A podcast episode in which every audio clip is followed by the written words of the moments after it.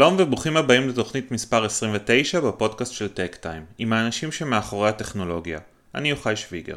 האורח שלי בתוכנית היום הוא עמוס שצ'ופק, סמנכ"ל התפעול והפיתוח העסקי של מעבדת החדשנות של קבוצת רנו ניסן מיצובישי בתל אביב. ישנן בארץ עשרות רבות, אולי אפילו מאות, של חברות שמפתחות טכנולוגיות לתעשיית הרכב, מחיישנים מסוגים שונים, אלגוריתמיקה לנהיגה אוטונומית, רכיבים לרכב חשמלי, פתרונות הגנת סייבר ועוד.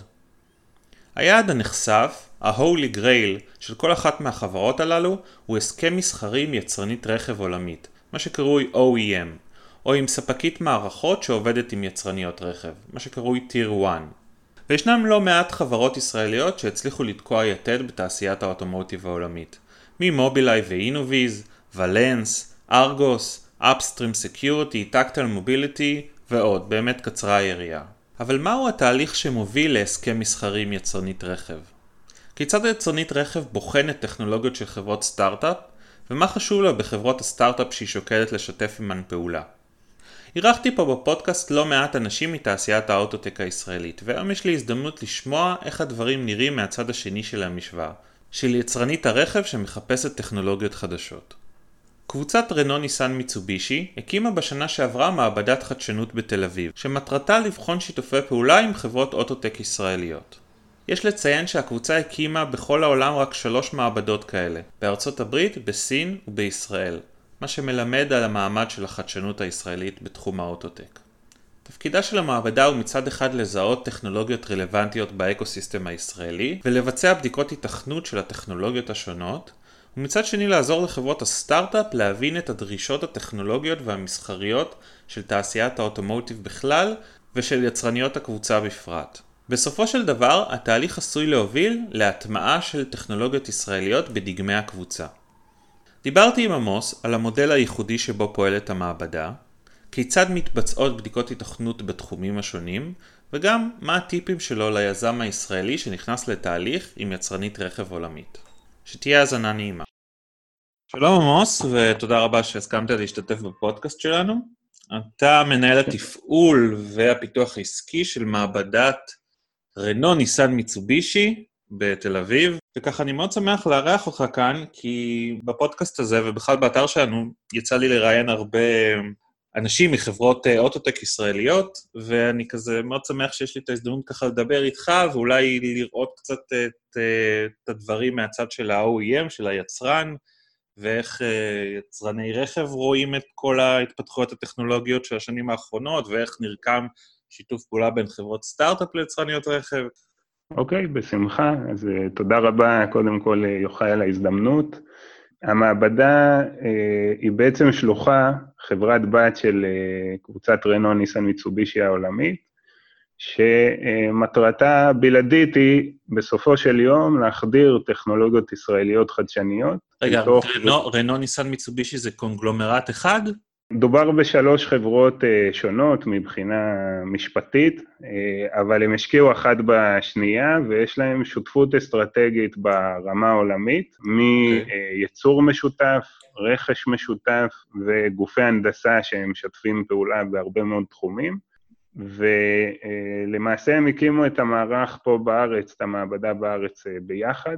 עכשיו, הקונספט של המעבדה היא למעשה שהיא פועלת בגישה של אה, חדשנות פתוחה, Open Innovation, אין פה מו"פ אה, פנימי.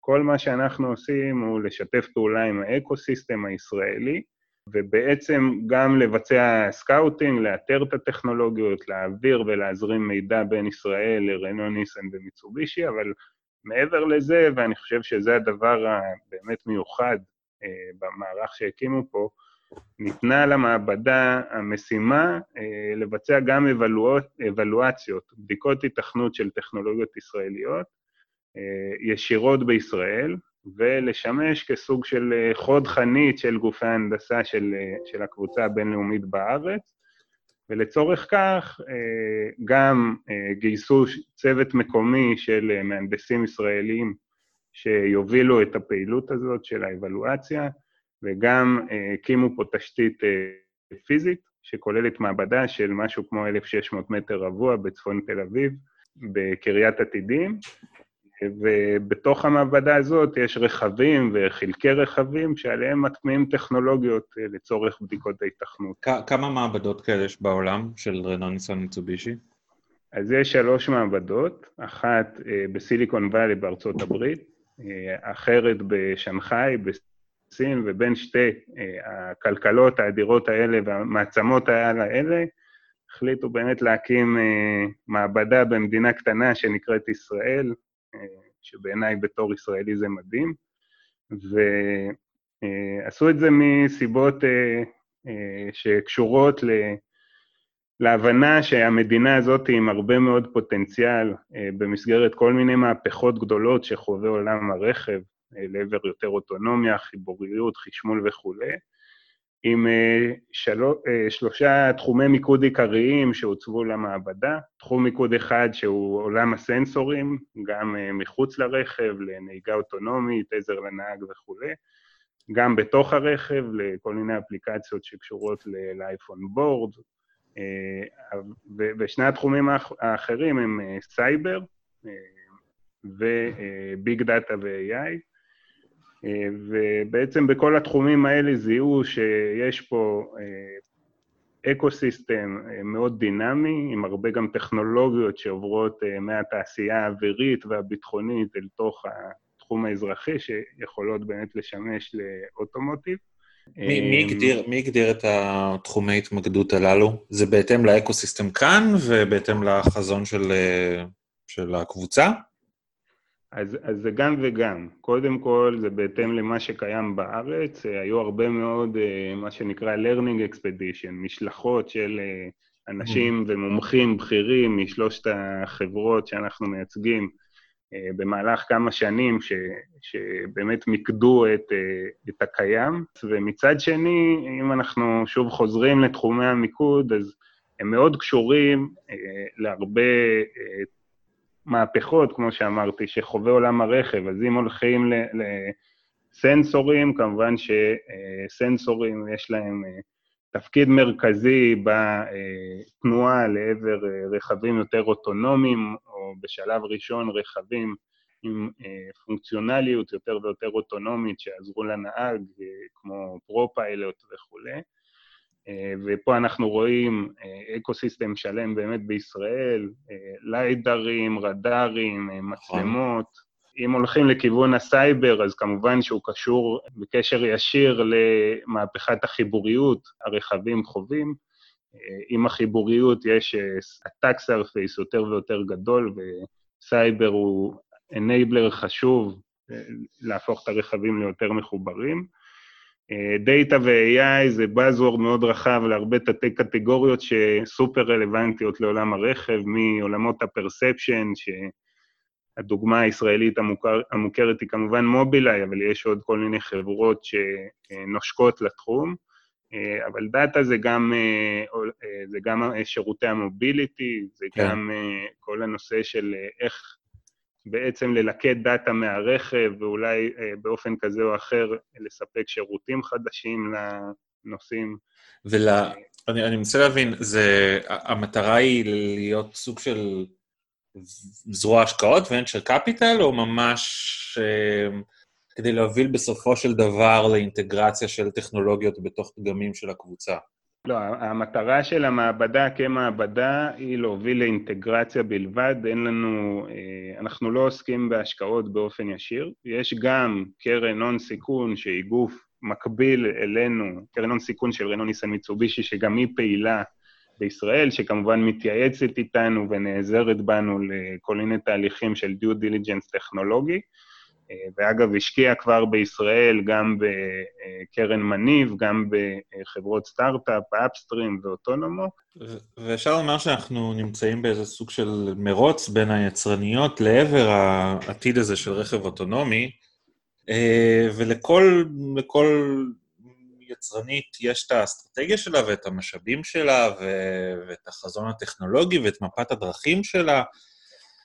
אתה יכול קצת לספר לנו אה, איפה נמצאת הקבוצה, אם יש לה חזון משותף ואיך הוא נראה? אני חושב שהיום יש תובנה משותפת להרבה OEM שיש צריך להתקדם לעבר יותר אוטונומיה, חשמול, כן, רכבים חשמליים, חיבוריות ושירותי מוביליטי. Mm, זאת okay. אוקיי. איזושהי, אני חושב, תובנה משותפת. ובתוך. בתוך כל אחד מהכיוונים האלה יש אה, אתגרים טכנולוגיים. אז אה, אם מדברים על אוטונומיה, אה, כמובן ש... אה, או לפני אוטונומיה על מערכות יותר מתקדמות של עזר לנהג, אה, יש עדיין הרבה מאוד נושאים לא פתורים שאנחנו מתמקדים בהם, כמו חישה בעת נהיגה בתנאי חושך או מזג אוויר סוער, נכון. כמו אה, פיתוח layer perception שידע להתמודד עם מצבים מאוד סבוכים בתוך הערים, אה, כמו אה, לזהות בעצם כל אובייקט רלוונטי, אבל לא רק את האובייקט עצמו, אלא גם את הקונטקסט הסביבתי שבו רואים את האובייקט. אם מדברים על חיבוריות, אז דיברנו על זה שסייבר הוא אנייבלר הכרחי לאתגר הזה, אבל אה, יש שם גם הרבה שאלות שקשורות לבעצם מה, איך משתמשים נכון בחיבוריות האלה לסיפוק שירותים, נגיד דיגיטליים, אה, רלוונטיים לצרכנים, איך אפשר לאפשר יכולת של הרכב לתקשר עם הנהג, לתקשר עם הסביבה.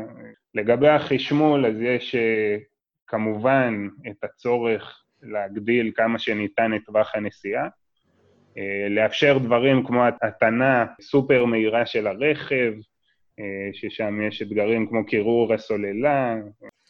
אוקיי, okay, בוא, בוא קצת אה, ניגע וננסה להמחיש את, ה, את המגע הזה שבין OEM, בין יצרן רכב גדול עם לבין חברת סטארט-אפ קטנה, ואנחנו מדברים על עולם הרכב, שהמערכות חברתיות בטיחות, בטיחותיות וכולי.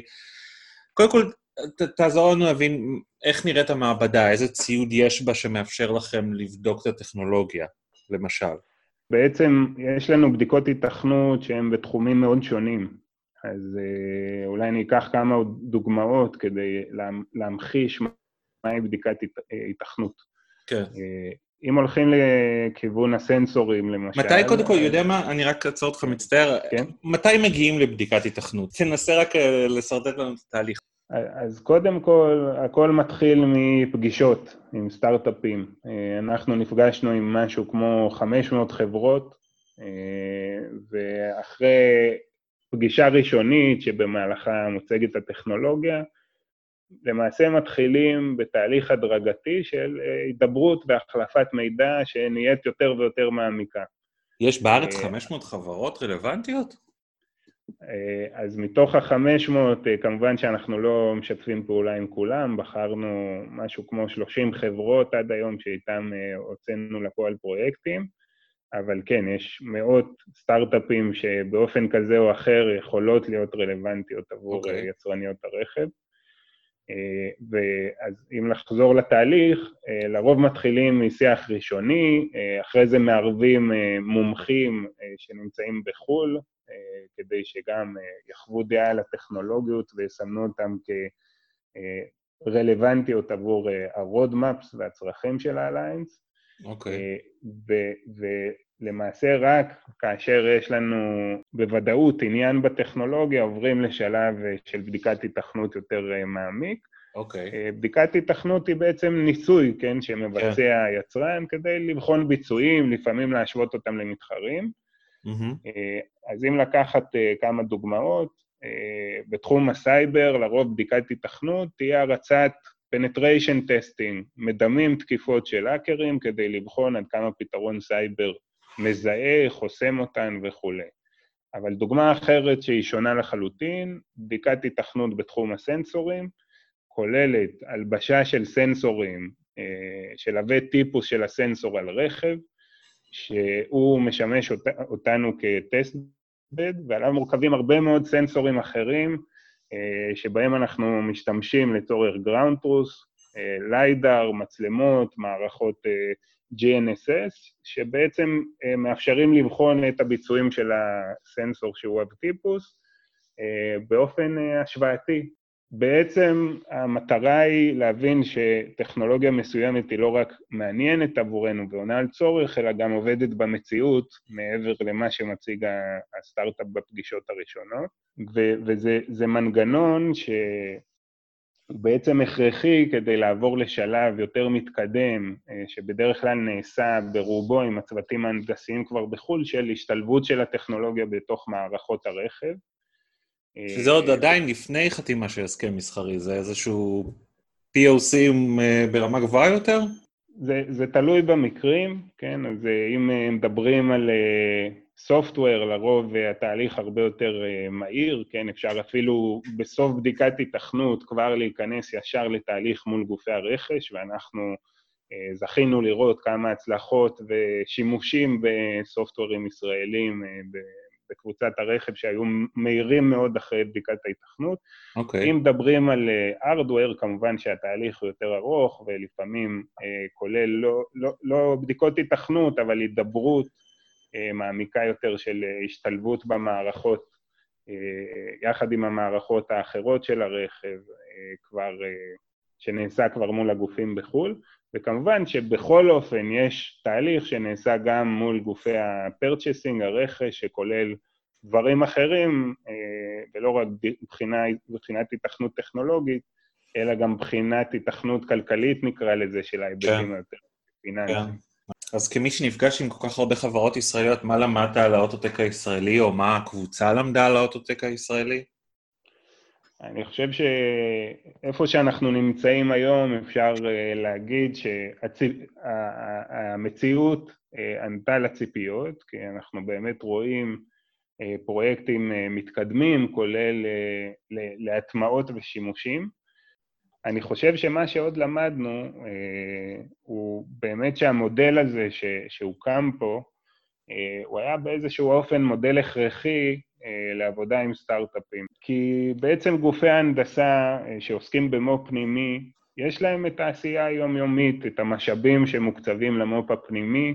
כשסטארט-אפ פונה אליהם, הם לא כל כך יודעים, אה, בוא נגיד שאין להם לא את הזמן, לא את המשאבים כדי לבחון לעומק את הסטארט-אפ, ומצד שני הם גם לא יכולים להסתמך על אה, מצגות בלבד או נתונים בלבד שמראה הסטארט-אפ, ו- ולכן באמת נוצר פה איזשהו גשר, שאנחנו מאמינים שהצליח לגשר אה, לא רק ברמת המידע, אלא גם ברמת ה...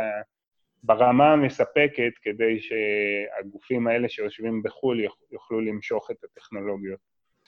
יש לך אולי איזה טיפים ל... ל... לחברת הסטארט-אפ ש... רוצה, רוצה להגיע ל-POC כזה, או ב-POC עצמה, ללבוש חולצה מכופתרת, כאלה, כאילו... מה, מה חשוב, לא. למה שם לב OEM כשהוא בא, כשהוא בוחן סטארט-אפ? מילת המפתח היא אמון, אמון בטכנולוגיה, וזה תהליך מדורג כדי להגיע לאותו אמון. והרבה פעמים, אה, מסיבות טבעיות, סטארט-אפים חוששים לחלוק יותר מדי מידע עם ה-OEM, אה, כי אוקיי. כמובן מנסים לג...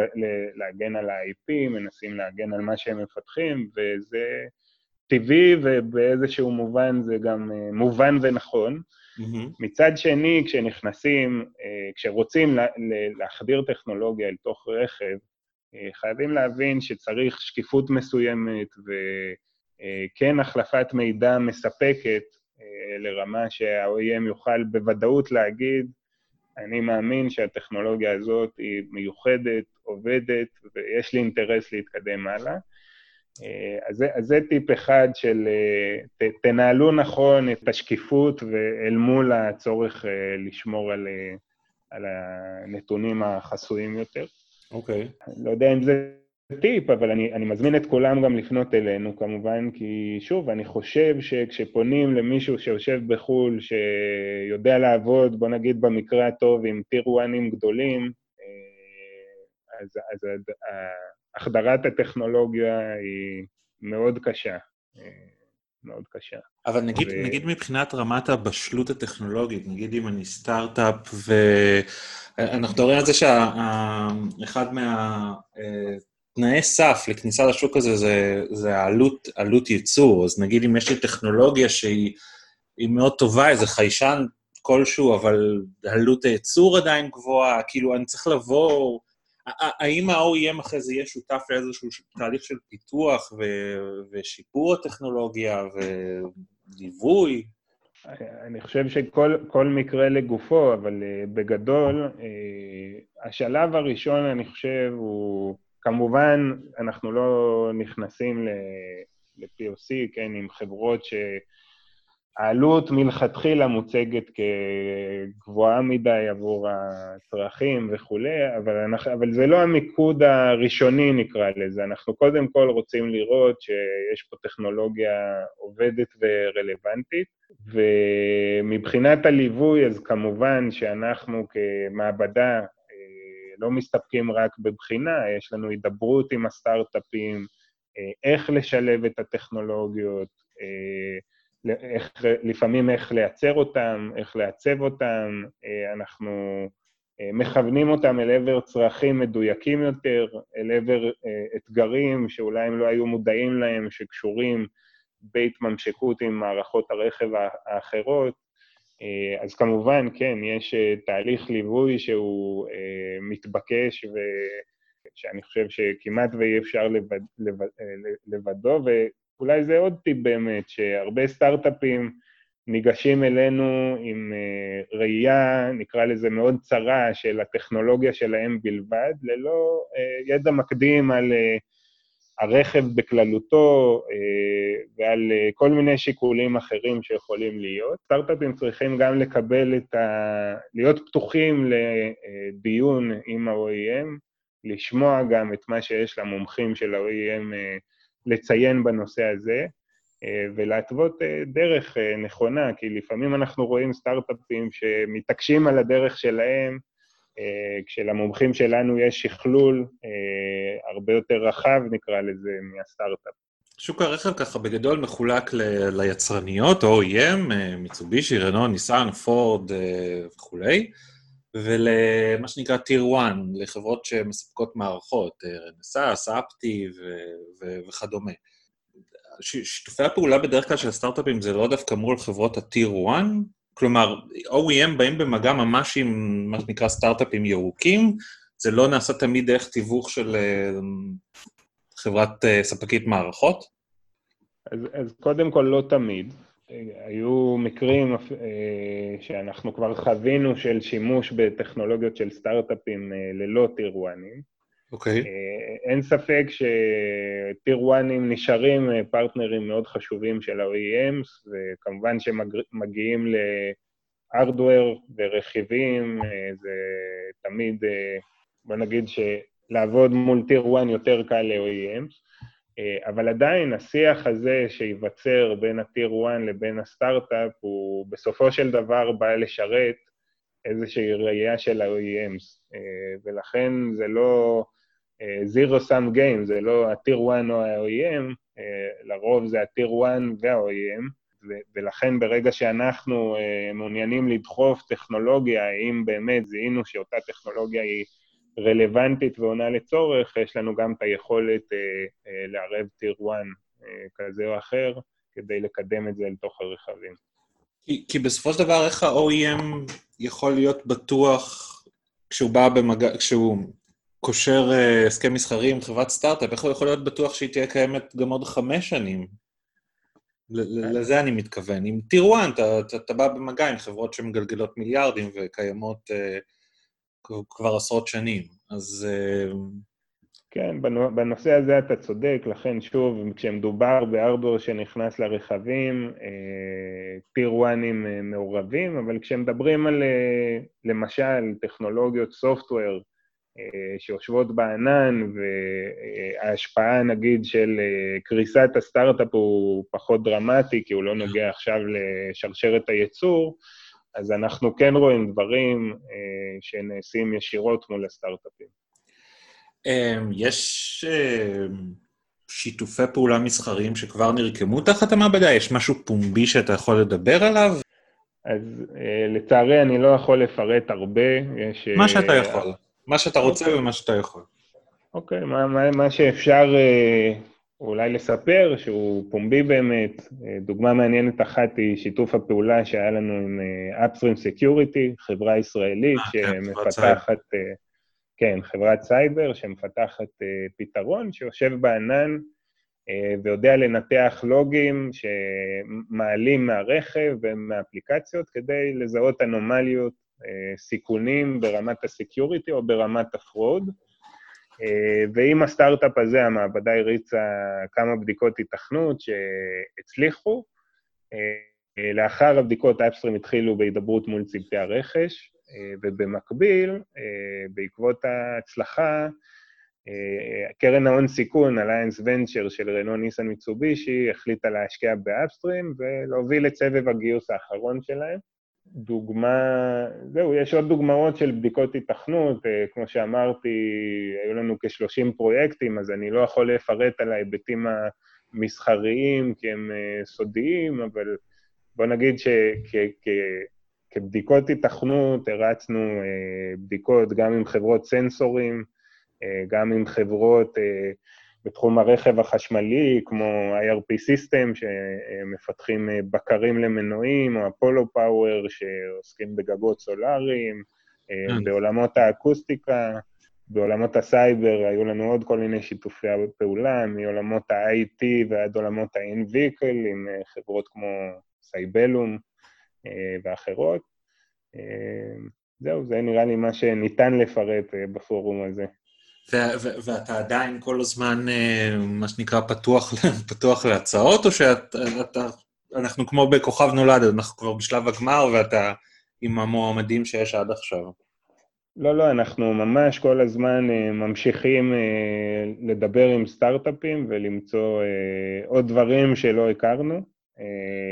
אולי אני אציין גם שיש לנו, המעבדה גם הוקמה בשיתוף פעולה עם רשות החדשנות הישראלית, שבמסגרת תוכנית חדשה שנקראת מעבדות חדשנות טכנולוגיות, והתוכנית הזאת מאפשרת גם לסטארט-אפים לקבל מימון מועדף מהרשות במסגרת בדיקות התכנות איתנו, והסיבה שאני מציין את זה, זה גם כי א', זה כלי מאוד טוב עבורנו בכלל, אבל זה גם כלי שמאפשר לנו לשתף פעולה גם עם חברות שהן יותר early stage, ונדרש איזשהו פיתוח נוסף כדי שנוכל לבחון את האב-טיפוס שלהם, ולכן עוד היום אנחנו פוגשים חברות שלא הכרנו, שהן עדיין בתחילת הדרך, והכלי הזה אפשר לנו להוציא כמה פרויקטים מעניינים.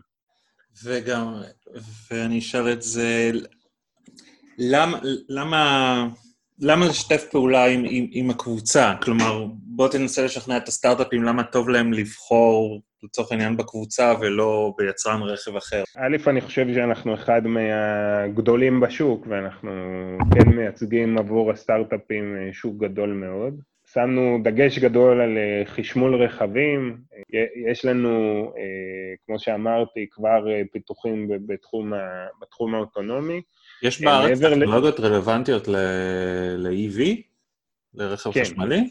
אפשר, אפשר לספר על כמה טכנולוגיות, אז שוב, אחת הטכנולוגיות היא בקר למנועים שמפתחת חברת IRP, שאיתה הוצאנו בדיקת התכנות, שמאפשרת ביצועים ונצילות יותר גדולה של, גבוהה של, של המנוע. ועם החברה הזאת, נגיד, עבדנו על פיתוח בקר ומנוע חדשים, בשלב ראשון לרכב חשמלי קטן של רנו, שנקרא טוויזי, ובהמשך לבדיקות ההיתכנות גם התקדמנו לשלבים יותר מתקדמים. יש לנו שיתוף פעולה עם חברת אפולו פאוור, שמפתחת גג סולארי גמיש, שיכול להשתלב ברכבים היברידיים למשל.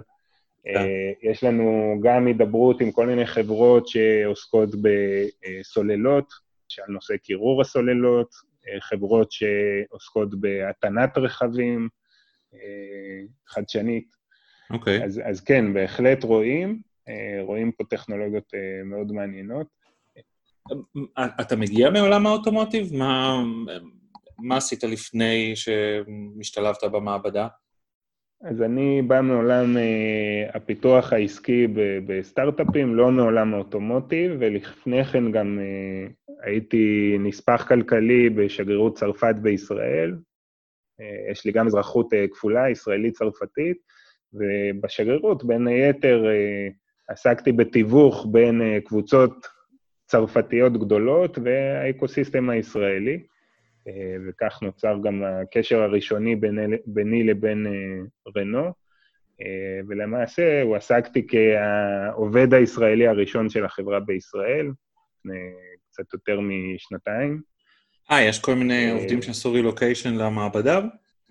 כן, כן, כן, היו... בעצם נשלח לפה אה, מהנדס מרנו צרפת, אנטואן בסוויל, לפני שנתיים וחצי בערך, כדי לה, להקים את המעבדה, אה, ולאחר מכן הצטרף אליו גם אתיין ברביה, שהוא היום מנהל את המעבדה, אה, ובא עם קריירה של אה, מעל ל-30 שנה אה, בגופי ההנדסה של רנו, מביא איתו את כל ה... גם את הידע וגם את הקשרים הנדרשים אה, בחו"ל. אני, אני לא רוצה להישמע פרובינציאלי, אבל הם uh, התרשמו לטובה מהאקוסיסטם פה? כן, התרשמו מאוד לטובה, ואני חושב שהיום רואים עדיין בישראל, אה, באליינס, מקום אסטרטגי מאוד להיות בו, ואחד האקוסיסטמים הכי דינמיים ופעילים בעולם. אה, ואנחנו מרגישים אה, רוח גבית גדולה מאוד, גם מההנהלה הבכירה אה, וגם מגופי החדשנות. מגניב. יש עוד משהו שהיית רוצה להוסיף ככה לקראת סיום? לא, אני חושב שאולי רק קריאה לחברות הסטארט-אפ ב ecosystem. בואו להיפגש איתנו, לדבר איתנו, זאת מהות העבודה שלנו, להנגיש, להנגיש את אה, הקבוצה הבינלאומית הגדולה הזאת לחברות וטכנולוגיות ישראליות. אה, יש לנו את האמצעים כדי לקדם אה, את הטכנולוגיות ולהחדיר אותם בסופו של דבר לרכבים. אוקיי, okay, עמוס, תודה רבה על השיחה המאוד מעניינת הזאת. אני בטוח שהיא תעניין רבים מהמאזינים שלנו, כי אנחנו עוסקים הרבה באוטוטק מהצד של הסטארט-אפים, וזה היה נחמד ככה לשמוע את זה מהצד השני. אה, זהו, אנחנו נמשיך לעקוב אחריכם בטק טיים, ושיהיה המון בהצלחה. תודה רבה, יוחאי. תודה רבה על ההאזנה, אני מקווה שנהניתם. אתם מוזמנים להמשיך ולעקוב אחר הכתבות באתר שלנו, techtime.co.il, להירשם לניוזלטר ולהקשיב לפרק הבא בפודקאסט.